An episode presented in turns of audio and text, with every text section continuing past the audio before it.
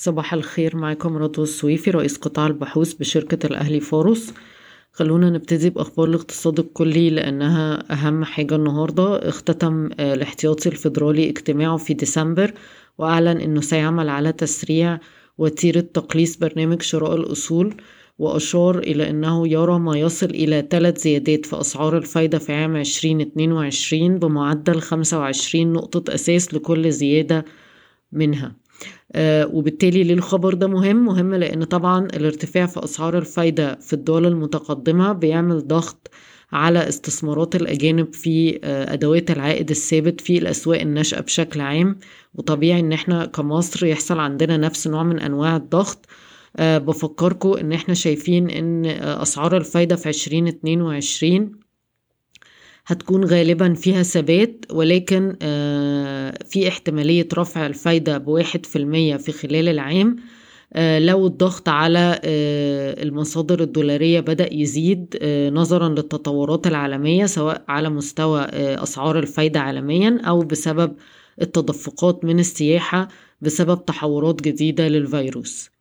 طبعا النهاردة اجتماع لجنة السياسة النقدية في مصر ومتوقعين الثبات على أسعار الفايدة دون تغيير لأن العائد الحقيقي في مصر لا يزال تنافسي والتضخم لسه في نطاق المستهدف من البنك المركزي.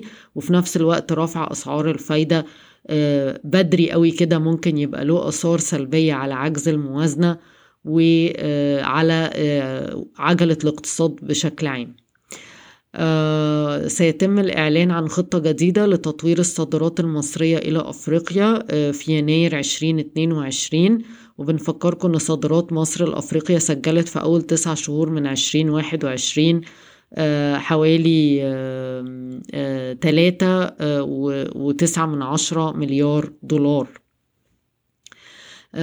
خبر إيجابي لشركة إديتا لن تخضع آه الوجبات الخفيفة والمقرمشات والمعجنات لضريبة القيمة المضافة اللي هي 14% ولكن هتظل خاضعة للضريبة المجدولة اللي هي 5% اللي عليها حاليا. آه وده كان سببه إن الدولة ما كانتش عايزة تزود التضخم مع تطبيق تلك الضريبة.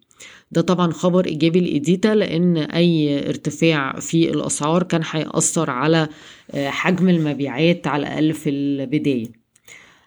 بنك قناة السويس تعاقد مع شركة Advanced Financial Solutions لتزويد وتشغيل نظام متكامل لإدارة المخاطر وده طبعا ممكن يكون إيجابي على المدى الطويل لأنه هيساعد في تحجيم القروض المتعثرة وبالتالي حجم المخصصات.